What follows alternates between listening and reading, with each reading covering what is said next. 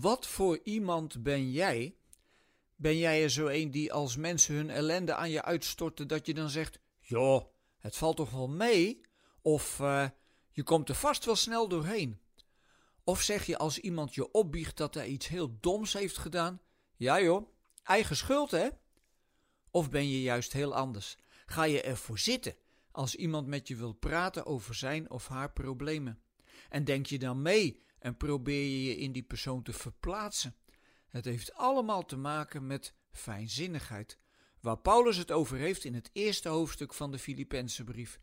Hij heeft eerst geschreven dat de mensen hem erg aan het hart liggen, en dan spreekt hij vervolgens een gebed uit dat de liefde van de Filipensers steeds meer mag winnen aan inzicht en fijnzinnigheid, zodat ze kunnen onderscheiden waar het op aankomt. Dat is inderdaad wel een gebed waard, want als ik zie hoe ongenuanceerd mensen vaak met elkaar omgaan, nou dan kunnen we hier nog heel wat van leren. Fijnzinnig, dat ben je bijvoorbeeld als je je niet meteen verschuilt achter machtswoorden of woorden die je ergens geleerd hebt. Soms gaan mensen helemaal de fout in. als ze hun gevoelens niet meer de baas kunnen, bijvoorbeeld, en, en daardoor de spelregels van God overtreden. Maar helpt het dan om ze terecht te wijzen met de regels in je hand? Gevoelens trekken zich daar nu eenmaal niets van aan. Mensen zijn wezens van vlees en bloed en geen geprogrammeerde computers. Dat vind ik altijd zo mooi als ik de verhalen over Jezus lees. Hij was niet zwart-wit bezig met de regels, maar hij stond naast de mensen met zijn liefde. En echte liefde is altijd genuanceerd.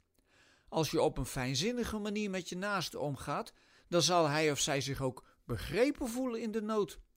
En pas als iemand zich begrepen voelt, zal hij ook openstaan voor goede kritiek en adviezen.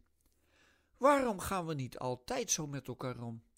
Nou, dat komt vast ook omdat we ons al heel snel bedreigd voelen als het net even anders uitpakt.